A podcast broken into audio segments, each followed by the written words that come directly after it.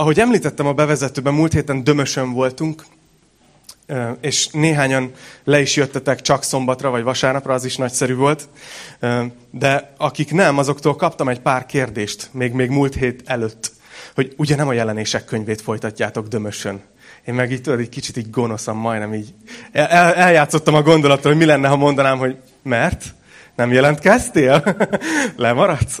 De szóval nem, nem a jelenések könyvét folytattuk, hanem, hanem egy másik témáról beszéltünk János 10-10 alapján, hogy mire gondolt Jézus, amikor azt mondta, hogy ő bőséges életet akar nekünk adni. És nyilván nem arról beszéltünk, hogy hogyan legyünk gazdagok, az, az nem a mi profilunk, de hogy mi, mi annak a teljes életnek a titka, amit Jézus megálmodott nekünk, és tanította Nemeshegy is, ami az aggódásról, illetve hát, hogy hogy ne aggódjunk és mondott egy nagyon jó viccet, de azt most nem ismétlem meg. Ez tényleg jó volt? Igen. Aztán tanította Pató Sanyi arról, hogy a szabadság mit jelent a keresztény életben, és, és tanította Fodor Zoli arról, hogy hogyan, hogy van az, hogy néha azok a dolgok, amitől pont azt gondoljuk, hogy kevesebb lesz az életünk, mint a szenvedés, mint a szegénység. Lehet, hogy Isten pont azt használja, hogy magából adjon nekünk valami olyat, amit, amit nem láttunk még belőle.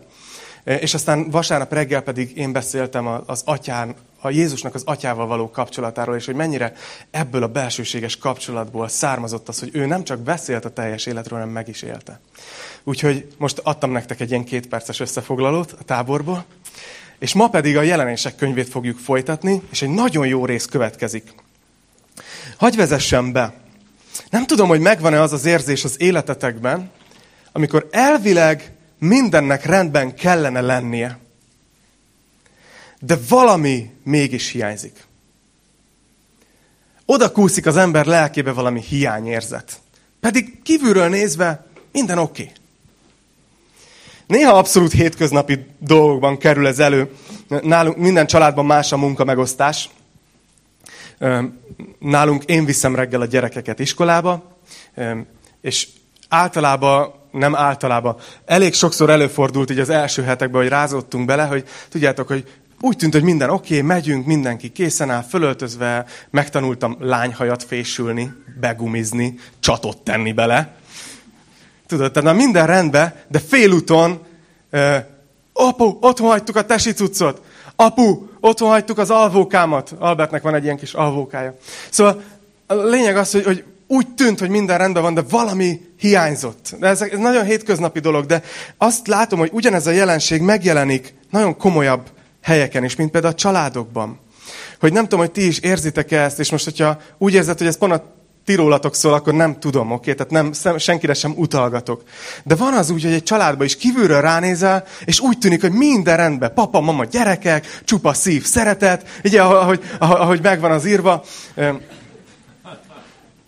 És valahogy mégis valami hiányzik. Elvileg van egészség, megvan az anyagi, megvan minden, de valami hiányérzet marad az emberben. És megjelenhet ez a hitéletünkben is. Nem tudom, hogy észrevettétek-e ezt, hogy időnként lehet, hogy úgy is ülsz itt, hogy lehet, hogy évek óta hívő vagy.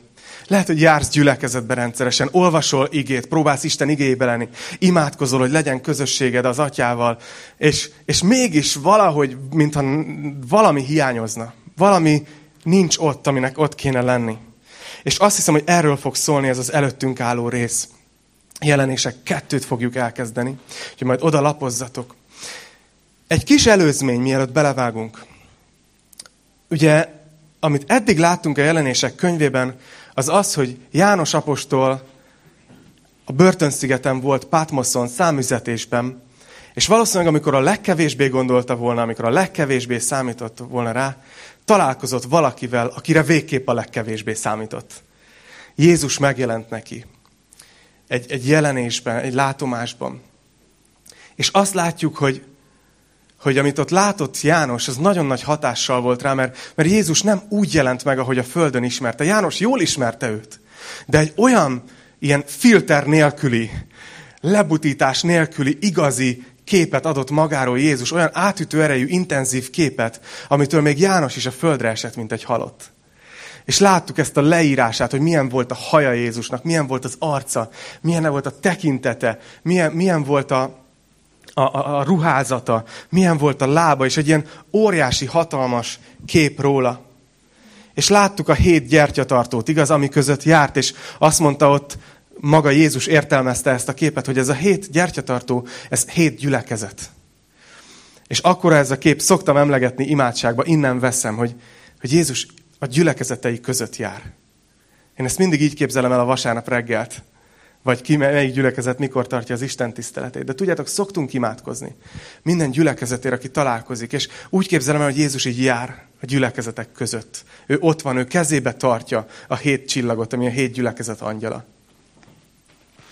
És mondtam nektek azt, hogy ott az utolsó versekben Jézus ad egy vázlatot a jelenések könyvéhez. Azt mondja Jánosnak, hogy írd meg, amit láttál. Ugye beszél arról, amit a János találkozása Jézusról, hogy ezt írja le a gyülekezeteknek, hogy tudják, hogy kitől származik az üzenet. Azt mondja, azt mondja, utána azt mondja, hogy írd le, ami, amik vannak. A jelenlegi korról beszél itt. És azt mondja, hogy és amik ezek után lesznek. És mondtam nektek, hogy az el, a második, harmadik fejezetben ott van hét gyülekezetnek szóló levél, amik valós gyülekezetek voltak. Kis-Ázsia tartományában a második, harmadik fejezet az végig a gyülekezettel foglalkozik. És a negyedik rész úgy kezdődik, hogy ezek után. Azaz a harmadik nagy szakasz. És érdekes, hogy onnantól kezdve egyszer sem kerül elő a gyülekezet. Nem azt jelenti, hogy nem lesz feladata, vagy nem lesz része, de valami fókuszváltás történik.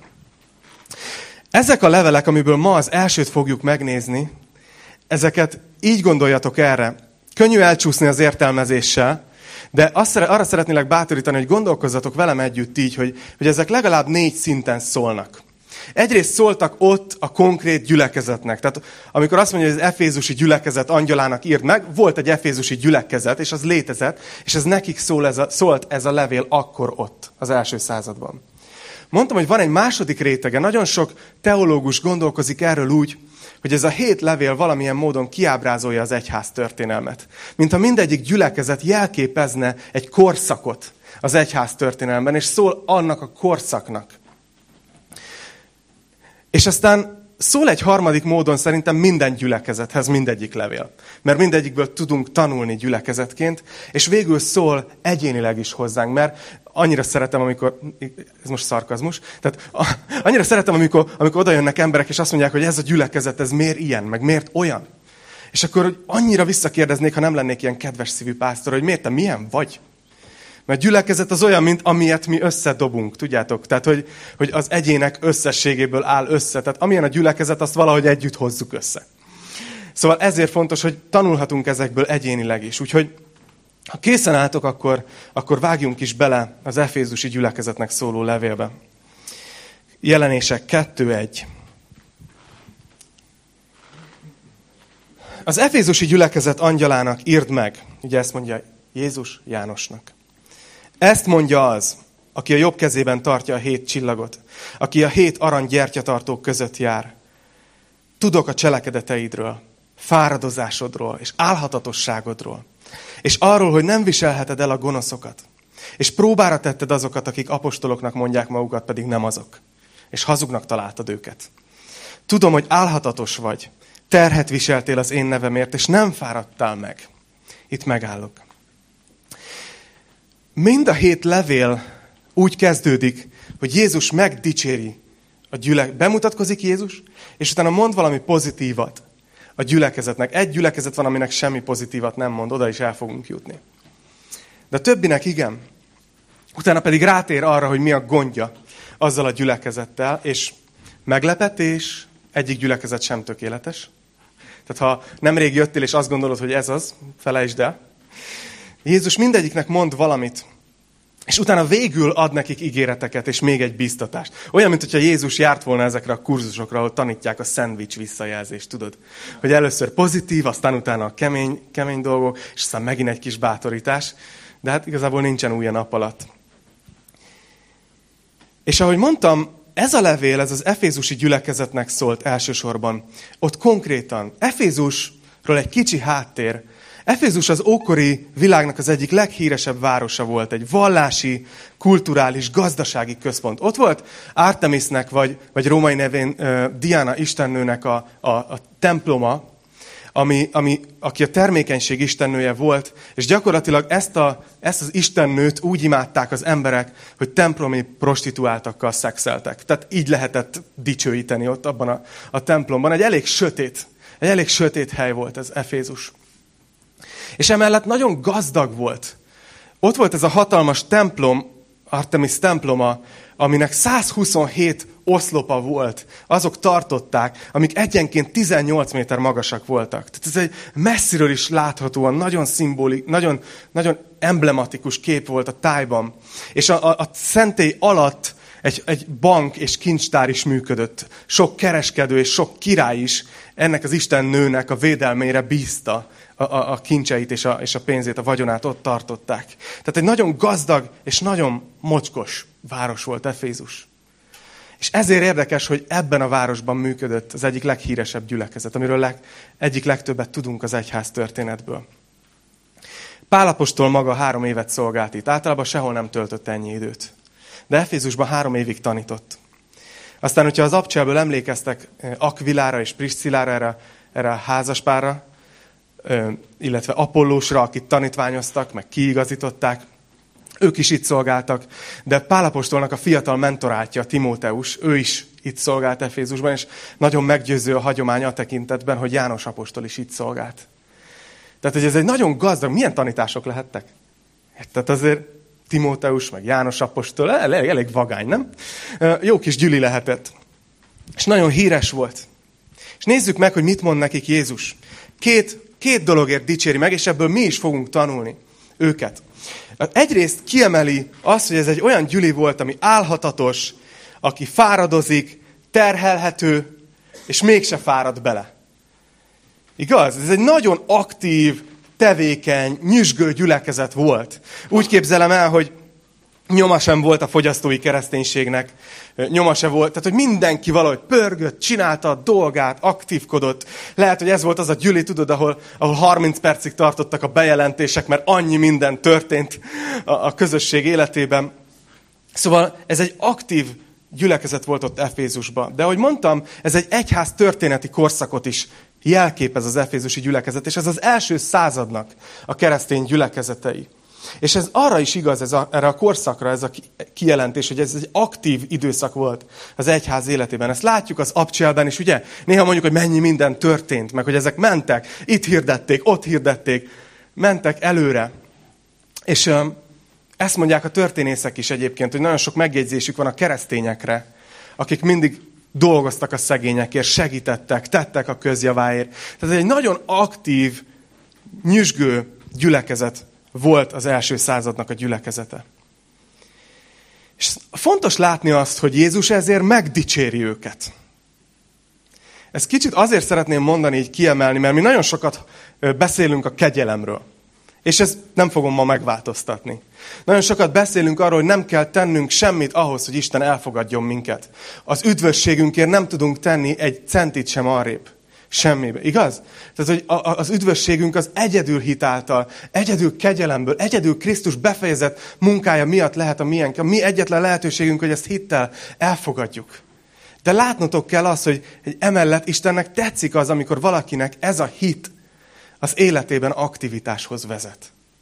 Jakab apostol mondja a levelében, a második részben, 17. vers, azt mondja, hogy a hit, ha cselekedetei nincsenek, akkor halott önmagában nagyon, nagyon erős szavak, de gyakorlatilag azt mondja, hogy ha valaki csak mondja, hogy én hiszek, de, de az életében nem látod ezt, hogy ettől így megmoccanna Isten ügyeire, és lenne, lenne ott cselekedet is, akkor, akkor nem neked kell megkérdőjelezni az ő hitét, de lehet, hogy neki kéne elgondolkozni, hogy mennyire valódi az a hit. Mert lehet, hogy halott. Azt mondja az Efézus 2.10, hogy mert az ő alkotása vagyunk akiket Krisztus Jézusban jó cselekedetekre teremtett. Amelyeket előre elkészített Isten, hogy azok szerint éljünk. Szóval látjátok, Istennek tetszik az, amikor mi aktívak vagyunk érte, és lángolunk érte, és, és teszünk dolgokat. A másik dolog, amit mond nekik Jézus, amiért megdicséri őket, azt mondja, hogy nem viselheted el a gonoszokat, és próbára tetted azokat, akik apostoloknak mondják magukat, és nem azok, és hazuknak találtad őket. Szóval Efézusban is felütötte a fejét Látjuk ezt a levélben, amit Pálapostól ír Timóteusnak, amikor Efézusban van, hogy sok szó van a tévtanítókról. És ez az egész korszakot jellemezte egyébként.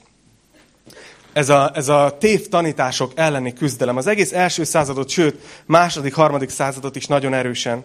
És utána még, még egyre enyhébben, de azért folytatódott ez a küzdelem. Mert, mert ez volt az az időszak, nekünk szerintem elképzelhetetlen, hogy volt egy olyan időszak az egyház történetben, hogy így nem volt fixálva a kánon. Tehát nem volt meg a bibliai könyveknek a listája.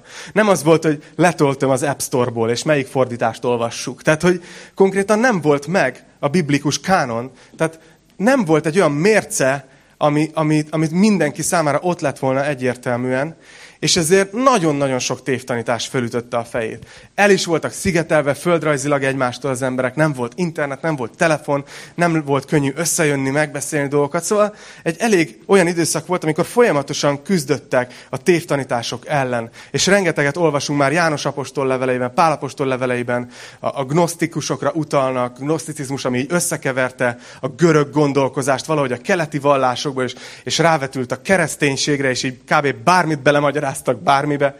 Szóval, hogy ezek ellen az első gyülekezet küzdött.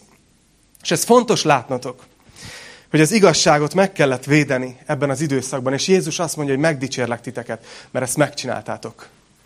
Megdicsérlek titeket, mert próbára tettétek, és, és hazugnak találtátok őket. Hogy beszéljek erről? Rájöttem, ahogy, ahogy, ahogy erre készültem, hogy én erről még soha nem beszéltem szerintem nektek. Hogy ma is fontos a gyülekezetben is, és a személyes életünkben is. Az, hogy, hogy erre odafigyeljünk, hogy kiszűrjük a tévtanításokat.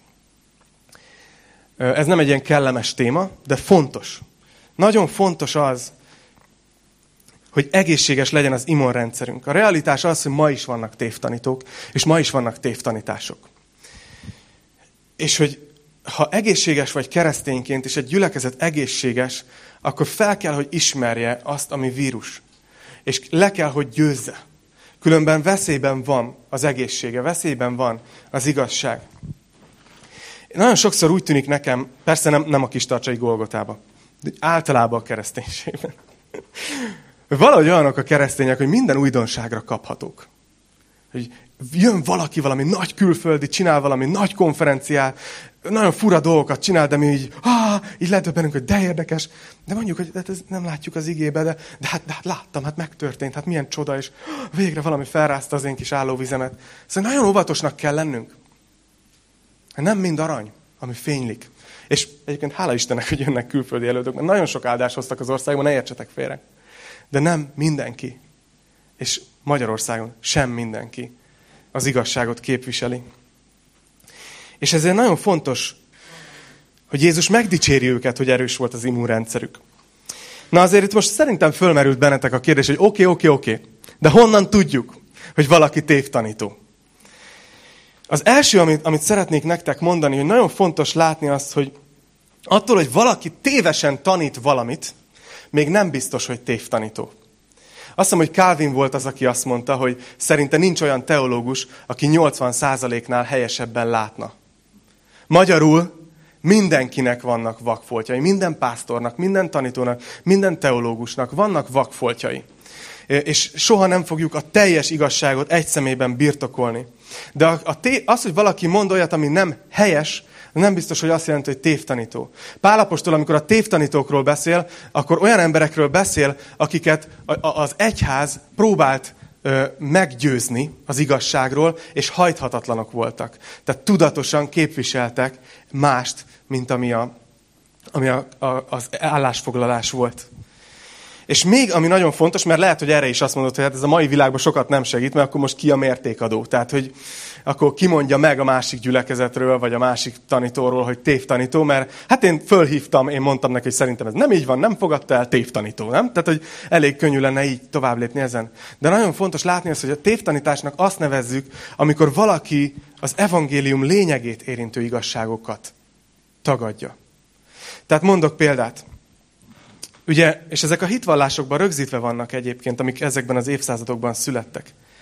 Ha valaki tagadja Isten igéjének az ihletettségét, ha valaki tagadja Isten létezését, mint egy Isten, de aki három személyben létezik, a Szent Háromság. Ha valaki tagadja azt, hogy Jézus Isten volt, testben megjelent Isten.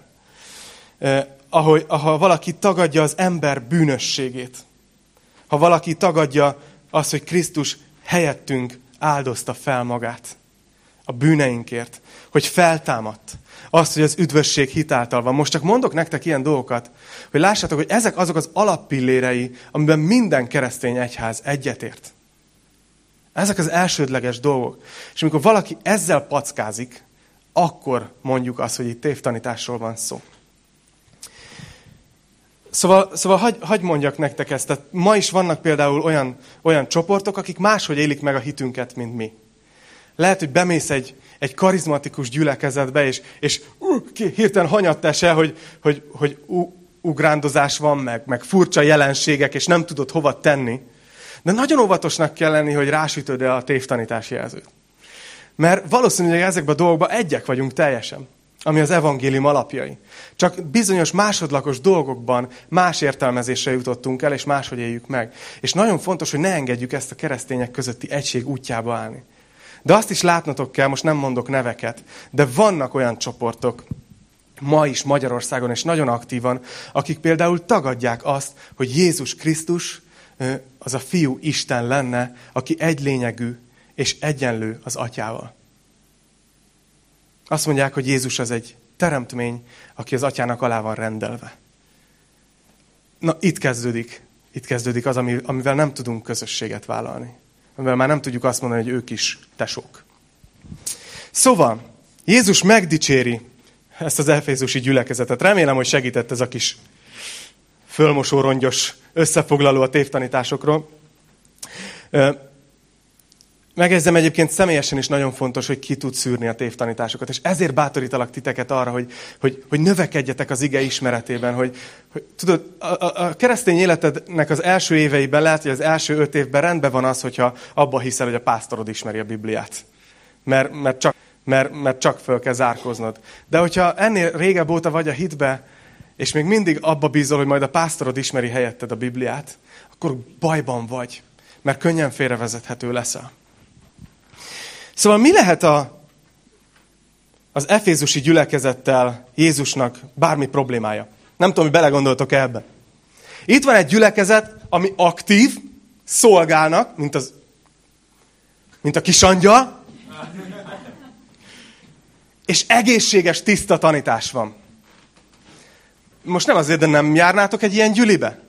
Jó a közösség, aktívak, és nagyon szuper egészséges tanítás van. Na? Vajon mi problémája lehet Jézusnak egy ilyen gyülekezettel? Emlékeztek a bevezetőre? Amikor valami hiányérzetünk van? Jézusnak ezzel a gyülekezettel kapcsolatban hiányérzete van. Ezt mondja a negyedik versben. De az a panaszom ellened, hogy nincs meg már benned az első szeretet. Jézus azt mondja, hogy nagyon aktívak vagytok, nagyon ügyeltek a tanítás tisztaságára, de mintha már nem a régik volnátok. Ja, hogy Presser énekli, hogy valami már elcsúszott, valami elsiklott, nem, nincs a helyén, valami hiányzik. Azt mondja erre, hogy ez az első szeretet az, ami hiányzik. De vajon mire gondol Jézus, amikor azt mondja, hogy első szeretet? Mit ért ez alatt? Én azt gondolom, ahogy tanulmányoztam ezt, és készültem, hogy két, két értelmezését látom ennek, ami, ami számomra megállja a helyét. Az egyik az, hogy Jézus lehet, hogy arra utal, arra az első szeretetre, amikor megtértek, amikor kezdődött a gyüli. Az a, az a lángolás, ami ott volt bennük a kezdetben, az első időszakban, ami fűtötte őket Isten felé. Ahogy egy párkapcsolatban is igaz, van az első ilyen, ilyen rózsaszín szemüveg, és öl, butit és nyomorba dönt, de nem baj, nekem ő kell. És ez a, tudod, nem is tudsz másra fókuszálni. Ez az első szeretet. Vagy a másik, azon gondolkoztam, hogy hol említ Jézus több szeretetet, mint egy. És a Máté 22-ben, amikor egy farizeus odajön hozzá, és elkezdi ö, kísérteni, azt mondja neki, ugye, hogy Mester, melyik a nagy parancsolat a törvényben? És Jézus így válaszolt, szeresd az urat, urat, a te Istenedet teljes szívedből, teljes lelkedből és teljes elmédből. Ez az első és nagy parancsolat. A második hasonló ehhez. Szerest fele barátodat, mint magadat. Ami biztos, hogy ez az első szeretet, ez az a szeretet, ami a, ami a keresztények és Isten között van. És azt mondja Jézus, hogy ez, ez, itt, ez itt elcsúszott, nincs ott. Úgy tűnik, hogy hiába volt, figyeljetek, ez egy nagyon, nagyon súlyos mondat, de úgy tűnik, hogy hiába volt aktív ez a gyülekezet. Hiába volt tiszta a tanítás. Az alapmotiváció, a dolgok gyökerénél valami félrecsúszott. Már, már nem elsősorban az Isten iránti szeretetből csinálják, amit csinálnak. A kérdés az az, hogy ez mekkora baj. Hát végül is tiszta volt a tanítás, valószínűleg az emberek tértek meg, tudtak növekedni, aktív volt a gyülekezet, bevonódtak az emberek a szolgálatba, most akkor nem mindegy, hogy ezt most miért csináljuk? Miért olyan nagy baj ez? Vajon Jézusnak ez mekkora baj? Nézzétek, ötödik vers. Azt mondja, hogy emlékezzél tehát vissza, hogy honnan estél ki. Térj meg, és tedd az előbbi cselekedeteidet. Különben elmegyek hozzád, és kimozdítom a gyertyatartódat a helyéből, ha meg nem térsz. Hát úgy tűnik, hogy ez a baj, ez elég nagy baj. Jézusnak. Nagyon radikális, de Jézus konkrétan azt mondja, hogy ha ez így marad, ahogy most van, akkor inkább szűnjön meg ez a gyülekezet. Aktivitásos túl, tiszta tanításos túl, mindennel együtt. Azt mondja, hogy kimozdítom a gyertyatartodat, és tudjuk, hogy a gyertyatart az a gyülekezet képe volt. Ez azért durva, nem? Velem vagytok még? Ez tényleg megtörténhet? Hogy van egy nyüzsgő, aktív gyülekezet, tiszta tanítással, de nem az Isten szerinti szeretet hajtja? Akkor, akkor mi? És én gondolkoztam ezen, és, és így nagyon egyébként így, így melbevágott, hogy, hogy, hogy engem mennyire az Isten iránti szeretet hajt. Vagy mennyire hajt minket időnként esetleg az, hogy megszoktuk, hogy aktívak vagyunk, hogy, hogy egyszerűen jól érezzük magunkat együtt, jó a társaság, jó a közösség, úgyhogy szeretünk együtt csinálni dolgokat, hogy esetleg kicsit büszkék vagyunk, hogy, hogy de jól megy itt a gyüli. Igaz? Versengés, önmegvalósítás. Még lehet, hogy jó szándékból is lehet aktívnak lenni, meg ember szeretetből. De Jézus azt mondja, hogy ez nem az Isten iránti szeretetből jön. Úgyhogy nekem ez, nekem ez, nekem ez nem kell. A másik kérdés, hogy miért annyira fontos ez Istennek? Miért nem elég neki, hogy tiszteljük őt, elismerjük, hogy ő az Isten, megtartjuk az utasításait, próbáljuk megtenni, amit kér. Miért várja azt Isten, hogy mi szeressük őt? Nem tudom, hogy gondolkoztatok -e ezen. Miért nem elégszik meg azzal, hogy hűséges alatvalók vagyunk?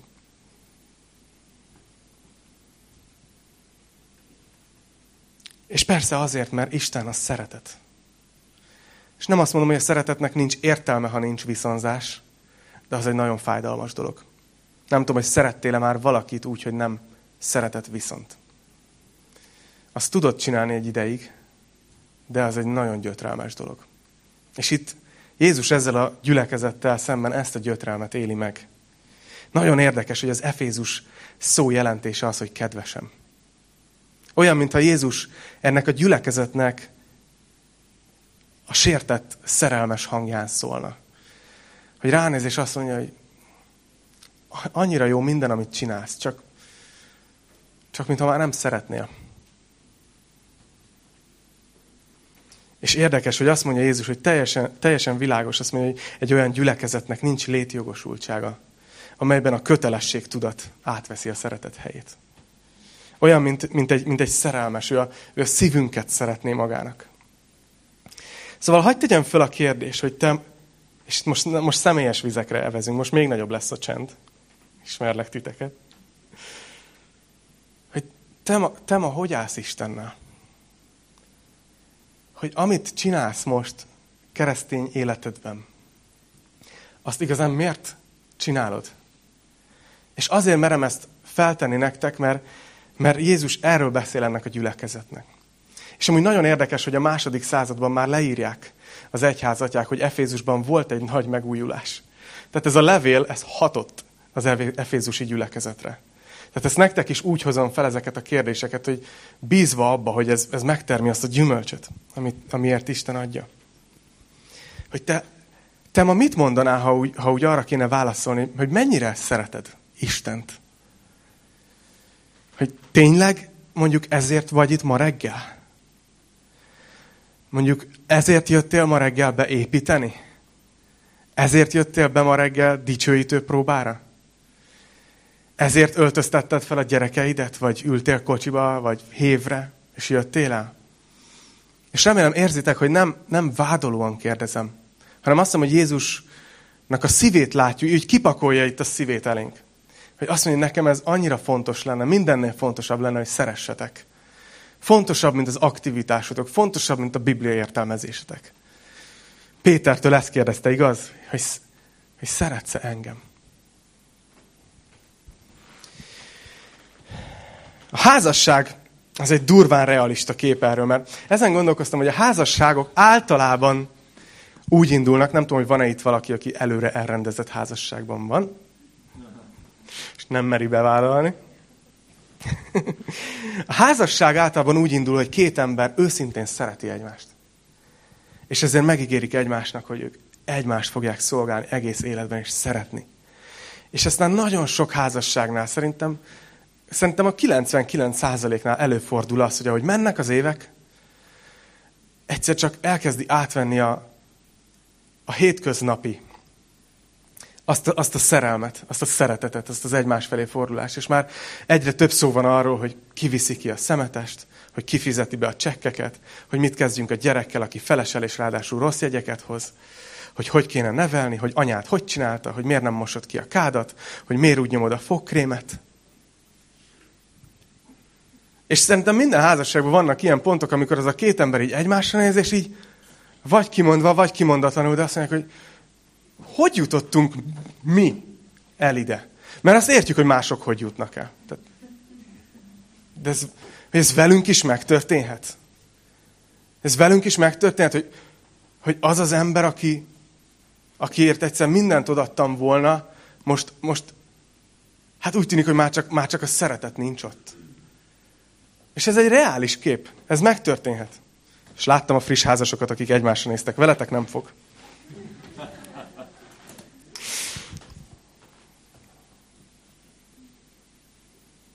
Valahogy így néz most Jézus erre a gyülekezetre. Tudod, ott van, ott van ez, ez Istenen is megtörténik ez a dolog, ami a házasságban megtörténik. Amikor azt mondja itt a magyar fordítás, hogy nincs meg már benned az első szeretet. Angol fordítások sokszor úgy hozzák, hogy elhagytad. Magyarul ez egy kétértelmű szó, mert nem arra a szóra gondol itt. Most utána néztem a szótárakban is, hogy elhagyod a kulcscsomódat, vagy elfelejtetted. Hanem amikor valamit így E, ami, így engedsz félre csúszni, vagy így félre teszel. Szó szerint ez a szó jelenti azt is, amikor egy férfi elválik a feleségétől. Az is ugye először a szívben történik meg, és utána lesz ennek a papíron is vonzata. Tehát gyakorlatilag arról, arról a helyzetről beszél, amikor ugye előfordul egy házasságban, és mondjuk a feleség azt érzi, hogy mert te mindig dolgozol, és sose vagy itthon, és nem vagy eleget a családoddal, nem töltesz velünk elég időt, a férj meg azt mondja, hogy nagyon jó, én itt széthajtom magamat, hogy meglegyen minden, meglegyenek az anyagiak, hogy a gyereknek is meglegyen minden, és tessék, ez a köszönet, hogy még legyek itthon is, nagyon jó, szuper, köszönöm szépen a támogató háttérországot. Ugye, eljutunk ide, és ilyenkor mondják azt a nők, nem tapasztalatból mondom, hogy ilyenkor mondják azt a nők, hogy tudod mit, ez az egész nem ér semmit, ha nem vagy itt. És olyan, mint hogyha Jézus ezt mondaná ennek a gyülekezetnek, hogy aktívak vagytok, nagyon jó a tanítás, de ha, de ha nincs itt ez az első szeretet, akkor, akkor az, az egész nekem nem ér, nem ér semmit. Akkor inkább kimozdítom a gyertyatartódat. Szóval a mai tanításnak a célja az, hogy egyénileg és gyülekezetként is meglássuk, hogy akármilyen jó keresztények vagyunk, ha nem az Isten iránti szeretetből tesszük, amit teszünk, akkor nem, nem ér semmit. Azt mondja nekik az ötödik versben Jézus, mert fölmerül a kérdés, hogy akkor most mit csináljunk. Azt mondja, hogy emlékezzél tehát vissza, hogy honnan estél ki. Térj meg, magyarul változtass irányt, és tedd az előbbi cselekedeteidet. Nem tudom, hányan láttátok a Tűzálló című filmet? Oké. Okay. Ugye leginkább házasok tették fel a kezeteket, mert ez a házasságról szól ez a film. Arra szól, hogy van egy romokban lévő, már szinte megmenthetetlen házasság. Megmenthetetlennek tűnő és a férfi elkezd egy ilyen 40 napos naplót követni, amiben minden napra elő van írva, hogy mit kell tennie, mit kell mondania a feleségének, stb. És gyakorlatilag semmi más nem csinál ez a 40 nap, mint hogy elkezdi újra udvaroltatni a feleségének. És csodák csodája, fellobban újra a szerelem, és, és helyreáll a, a házasságuk. És azon gondolkoztam, hogy, hogy mennyire jó kép ez a tűz, mert nem tudom, hogy hányan raktatok már tüzet, de amikor a, a tűz így, hát John, a nagy barbecue mester, azt mondja, hogy ő igen. Amikor elalszik a tűz, akkor még egy csomó ideig föléleszthető a parázsból, igaz? Ez egy nagyon erős kép. És ugyanígy van Istennel is. Úgyhogy szeretnék nektek néhány gyakorlati tanácsot adni, mert lehet, hogy úgy vagy most itt, hogy hát Attila, ez tök jó, értem, hogy Istennek a legfontosabb, hogy szeressem, de hogy kezdjek, vagy hogy álljak neki? Úgyhogy hagy, hagy segítsek nektek egy kicsit. Nem elvárásként. De azt gondolom, hogy ezek a dolgok tudnak segíteni nektek, hogy így föllobbanjon az az első szeretet. Abból fogok kiindulni, amit az öt szeretet nyelvkönyv mond, hogy alapvetően öt módon tudják az emberek kifejezni a szeretetüket. Istennek is megvannak a szeretet nyelvei, de szerintem elfogadja milyenken is. Úgyhogy induljunk ki ebből. Például az egyik szeretet nyelv az elismerő szavak. Az Istennel való kapcsolatodban hogy jelenik meg? Ha neked ez az elsődleges szeretet nyelved, az elismerő szavak, akkor neked valószínűleg könnyű úgy kifejezni Isten felé a szeretetedet például, hogy, hogy jössz és dicsőítesz. És elmondod Istennek, hogy ő mennyire fontos, hogy mennyire szereted, hogy mennyire ő minden az életedben. Hogyha neked az elismerő szavak a szeretet nyelved, akkor nagyon bátorítalak arra, hogy gyere, és vonulj be a dicsőítésbe, hogy Marci is mondta az elején. Hogy lássátok, hogy amikor dicsőítünk, az nem azért van, hogy legyen pár dal a tanítás előtt. Olyankor mi Istennel akarunk kapcsolódni. És a, és a Biblia mond olyan dolgokat, ami, ami, ami, ami egészen olyan, hogy miért mondod meg ezt nekem. Azt mondja például, hogy tárjátok a kezeteket az Isten felé. Biblia tanítja azt, hogy amikor dicsőítünk, emeljük fel a kezünket. Nem azért teszi ezt, mert Isten karizmatikus, hanem valahogy ez a mozdulat, amikor, tudjátok, itt, itt ültem a dicsőítés alatt. És nem tudom, melyik dalban volt ez, hogy, hogy, hogy, hogy fölemeltem a kezem, és azt éreztem, mint hogyha valahogy egy ilyen, nem tudom, fura kattanás volt az agyam, mintha egy pillanatra én lennék az a koldus, aki ott ül az út mentén, tudod?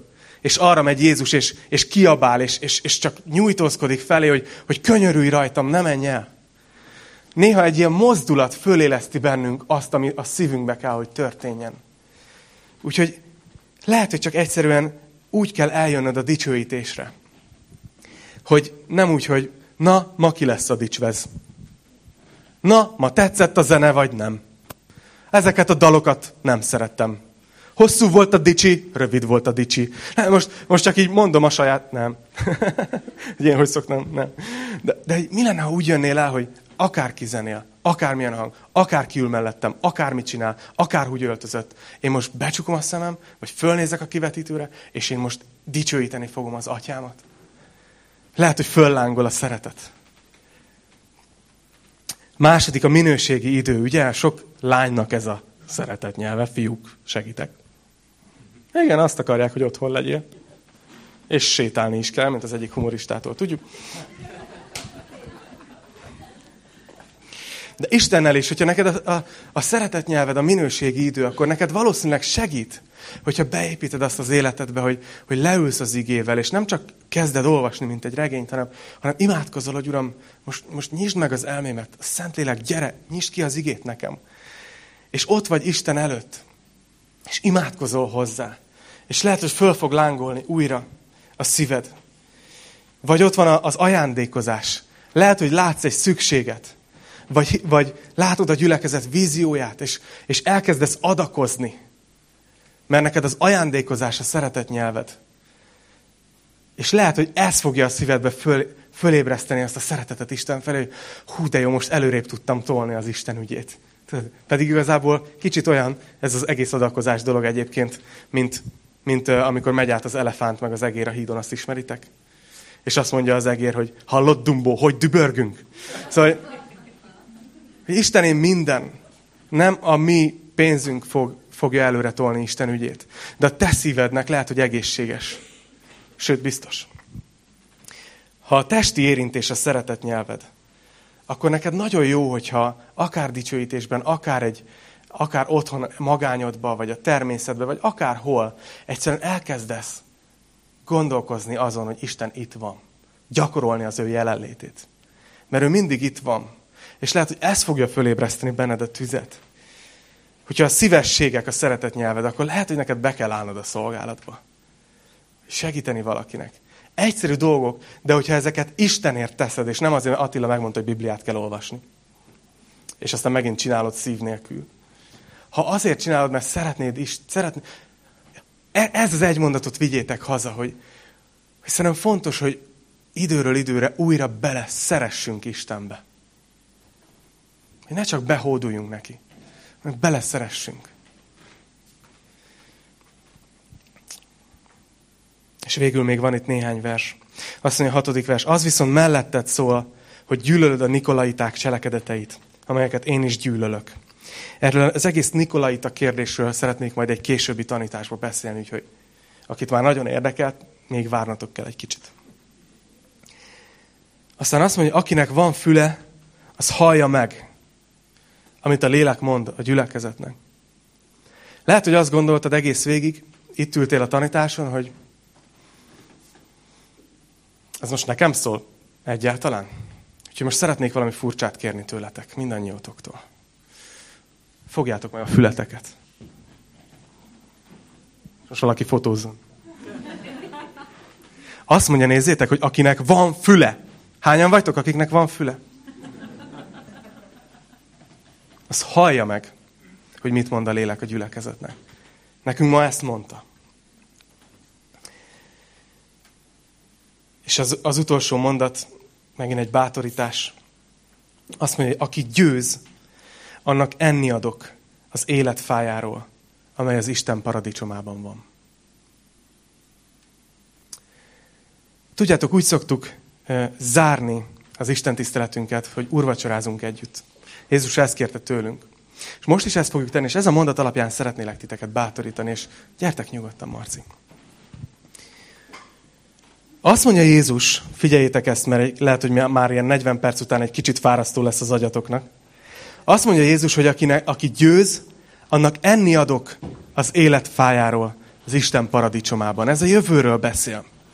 Arról az időszakról, amikor újra együtt leszünk fizikailag Istennel, az ő országában, és azt mondja, hogy, hogy én ott adok a győztesnek élő, az élet fájáról enni. Egy fa amiről minket táplál. Nem tudom, hogy emlékeztek-e, hogy ugyanúgy ott volt az életfája az édenkertben, a legelején az idővonalnak. És ott volt a jó és rossz tudásának a fája is a kertben. És Isten azt mondta az embereknek, hogy minden fáról ehettek. Magyarul az élet fájáról is. De a jó és a rossz tudásának fájáról nem. És amikor az ember megszegte ezt, a, ezt az egyetlen egy szabályt, akkor Isten kiűzte őket a kertből, és azt írja az ige, annyira, nekem, nekem szívfacsaró mai napig olvasni ezt a sort, hogy, hogy odaállított egy angyalt, kivont pallossal, azért, hogy elzárja az életfájához vezető utat. Milyen durva, nem? Itt látjuk ezt az édenben, az életfája, amitől az ember el lett zárva. Itt látjuk a jelenésekben az életfáját, amiről enni ad a győztesnek. És az egész idővonalnak a közepén ott van egy másik fa. Az egész történelem közepén, a középpontjában ott van a kereszt. És amit ott látunk rajta, az, az ugyanez a Jézus, akit itt látunk a jelenésekben.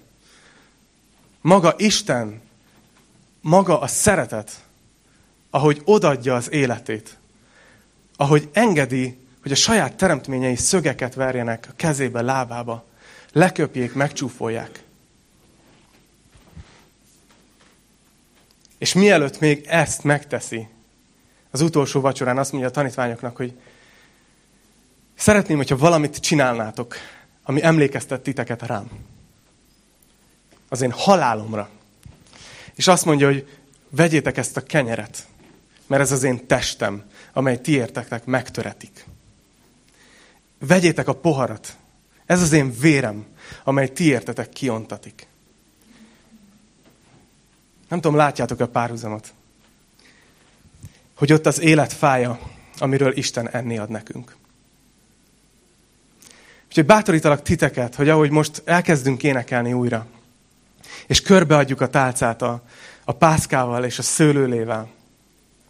Ha hívő vagy, hiszel Jézus Krisztusban, akkor nagyon kérlek, hogy most ne, ne azt mondd, hogy hát én nem nincs meg az első szeretet, úgyhogy hozzá sem merek nyúlni az úrvacsorához.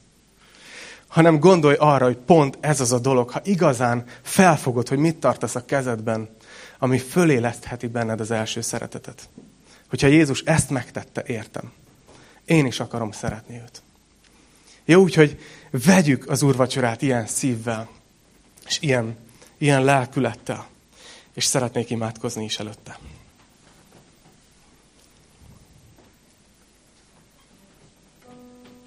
Atyám, köszönjük neked a jelenések könyvét, és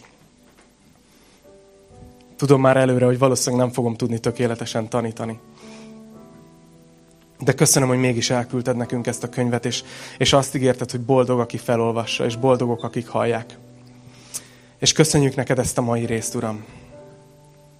És, és jó, hogy megengeded nekünk, hogy meglássuk a szívedet. Azzal kapcsolatban, hogy neked mi a fontos. És köszönöm, hogy rámutattál erre, hogy, hogy a legfontosabb, hogy a szívünk a tied legyen, hogy, a, hogy szeressünk téged.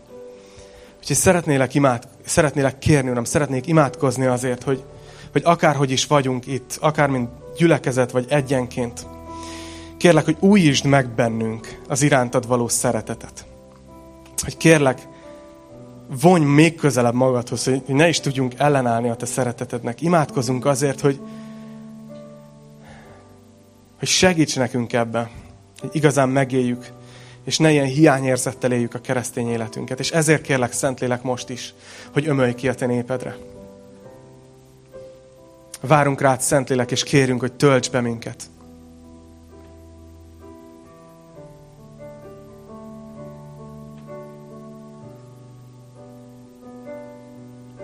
Kérlek, hogy emlékeztess arra, hogy Krisztus mit tett értünk. Drága lélek, emlékeztess minket.